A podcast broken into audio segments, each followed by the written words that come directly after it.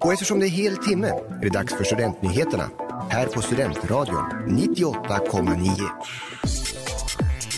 Det här är veckans nyheter på Studentradion 98,9 och vi ska prata om att Greta stryks ur Israels läroplan, Uppsalas egna kortfilmfestival, livemusik på Kalmar och veckans Upsi som vi sparar till snart. Vi börjar med att Greta stryks ur Israels läroplan.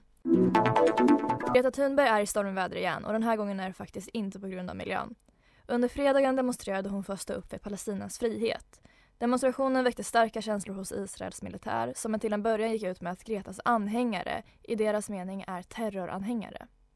Senare gick arméns talesperson ut med att de drar tillbaka uttalandet om Gretas anhängare men kritiken mot Greta kvarstår. Israels utbildningsdepartement har därmed beslutat att hon stryks ur alla läroböckerna i landet. Och över till Uppsala. Nu i veckan går Uppsalas kortfilmfestival av stapeln för 42 året i rad med över 300 filmer i olika genrer från hela 70 olika länder som kommer att visas runt om på stadens biografer. Festivalen kan titulera sig som en av Sveriges få renodlade kortfilmfestivaler och är även en av de främsta i Europa. De har även valt att visa upp lika många filmer av kvinnliga respektive manliga regissörer.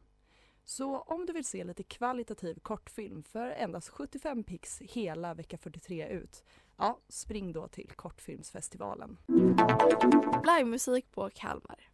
Längtar du efter att få svänga på höfterna till något annat än Stockens och Snärkes dunkande housemusik?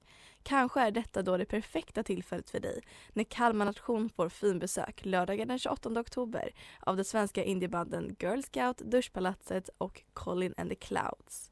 Enligt Kalmar Nation är det här en fräsch lineup bestående av några av den svenska indiescenens mest spännande nya band.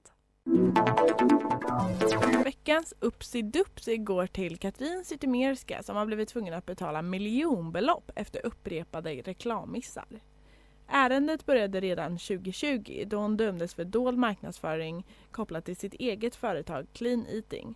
Men då belades Katrin med vite från Konsumentombudsmannen om händelsen skulle upprepas.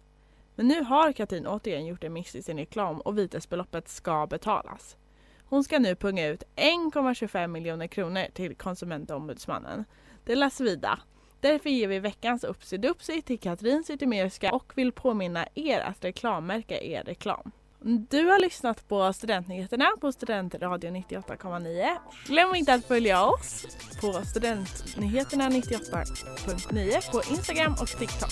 Och vi heter Isa, Sandra, Elsa och Lina.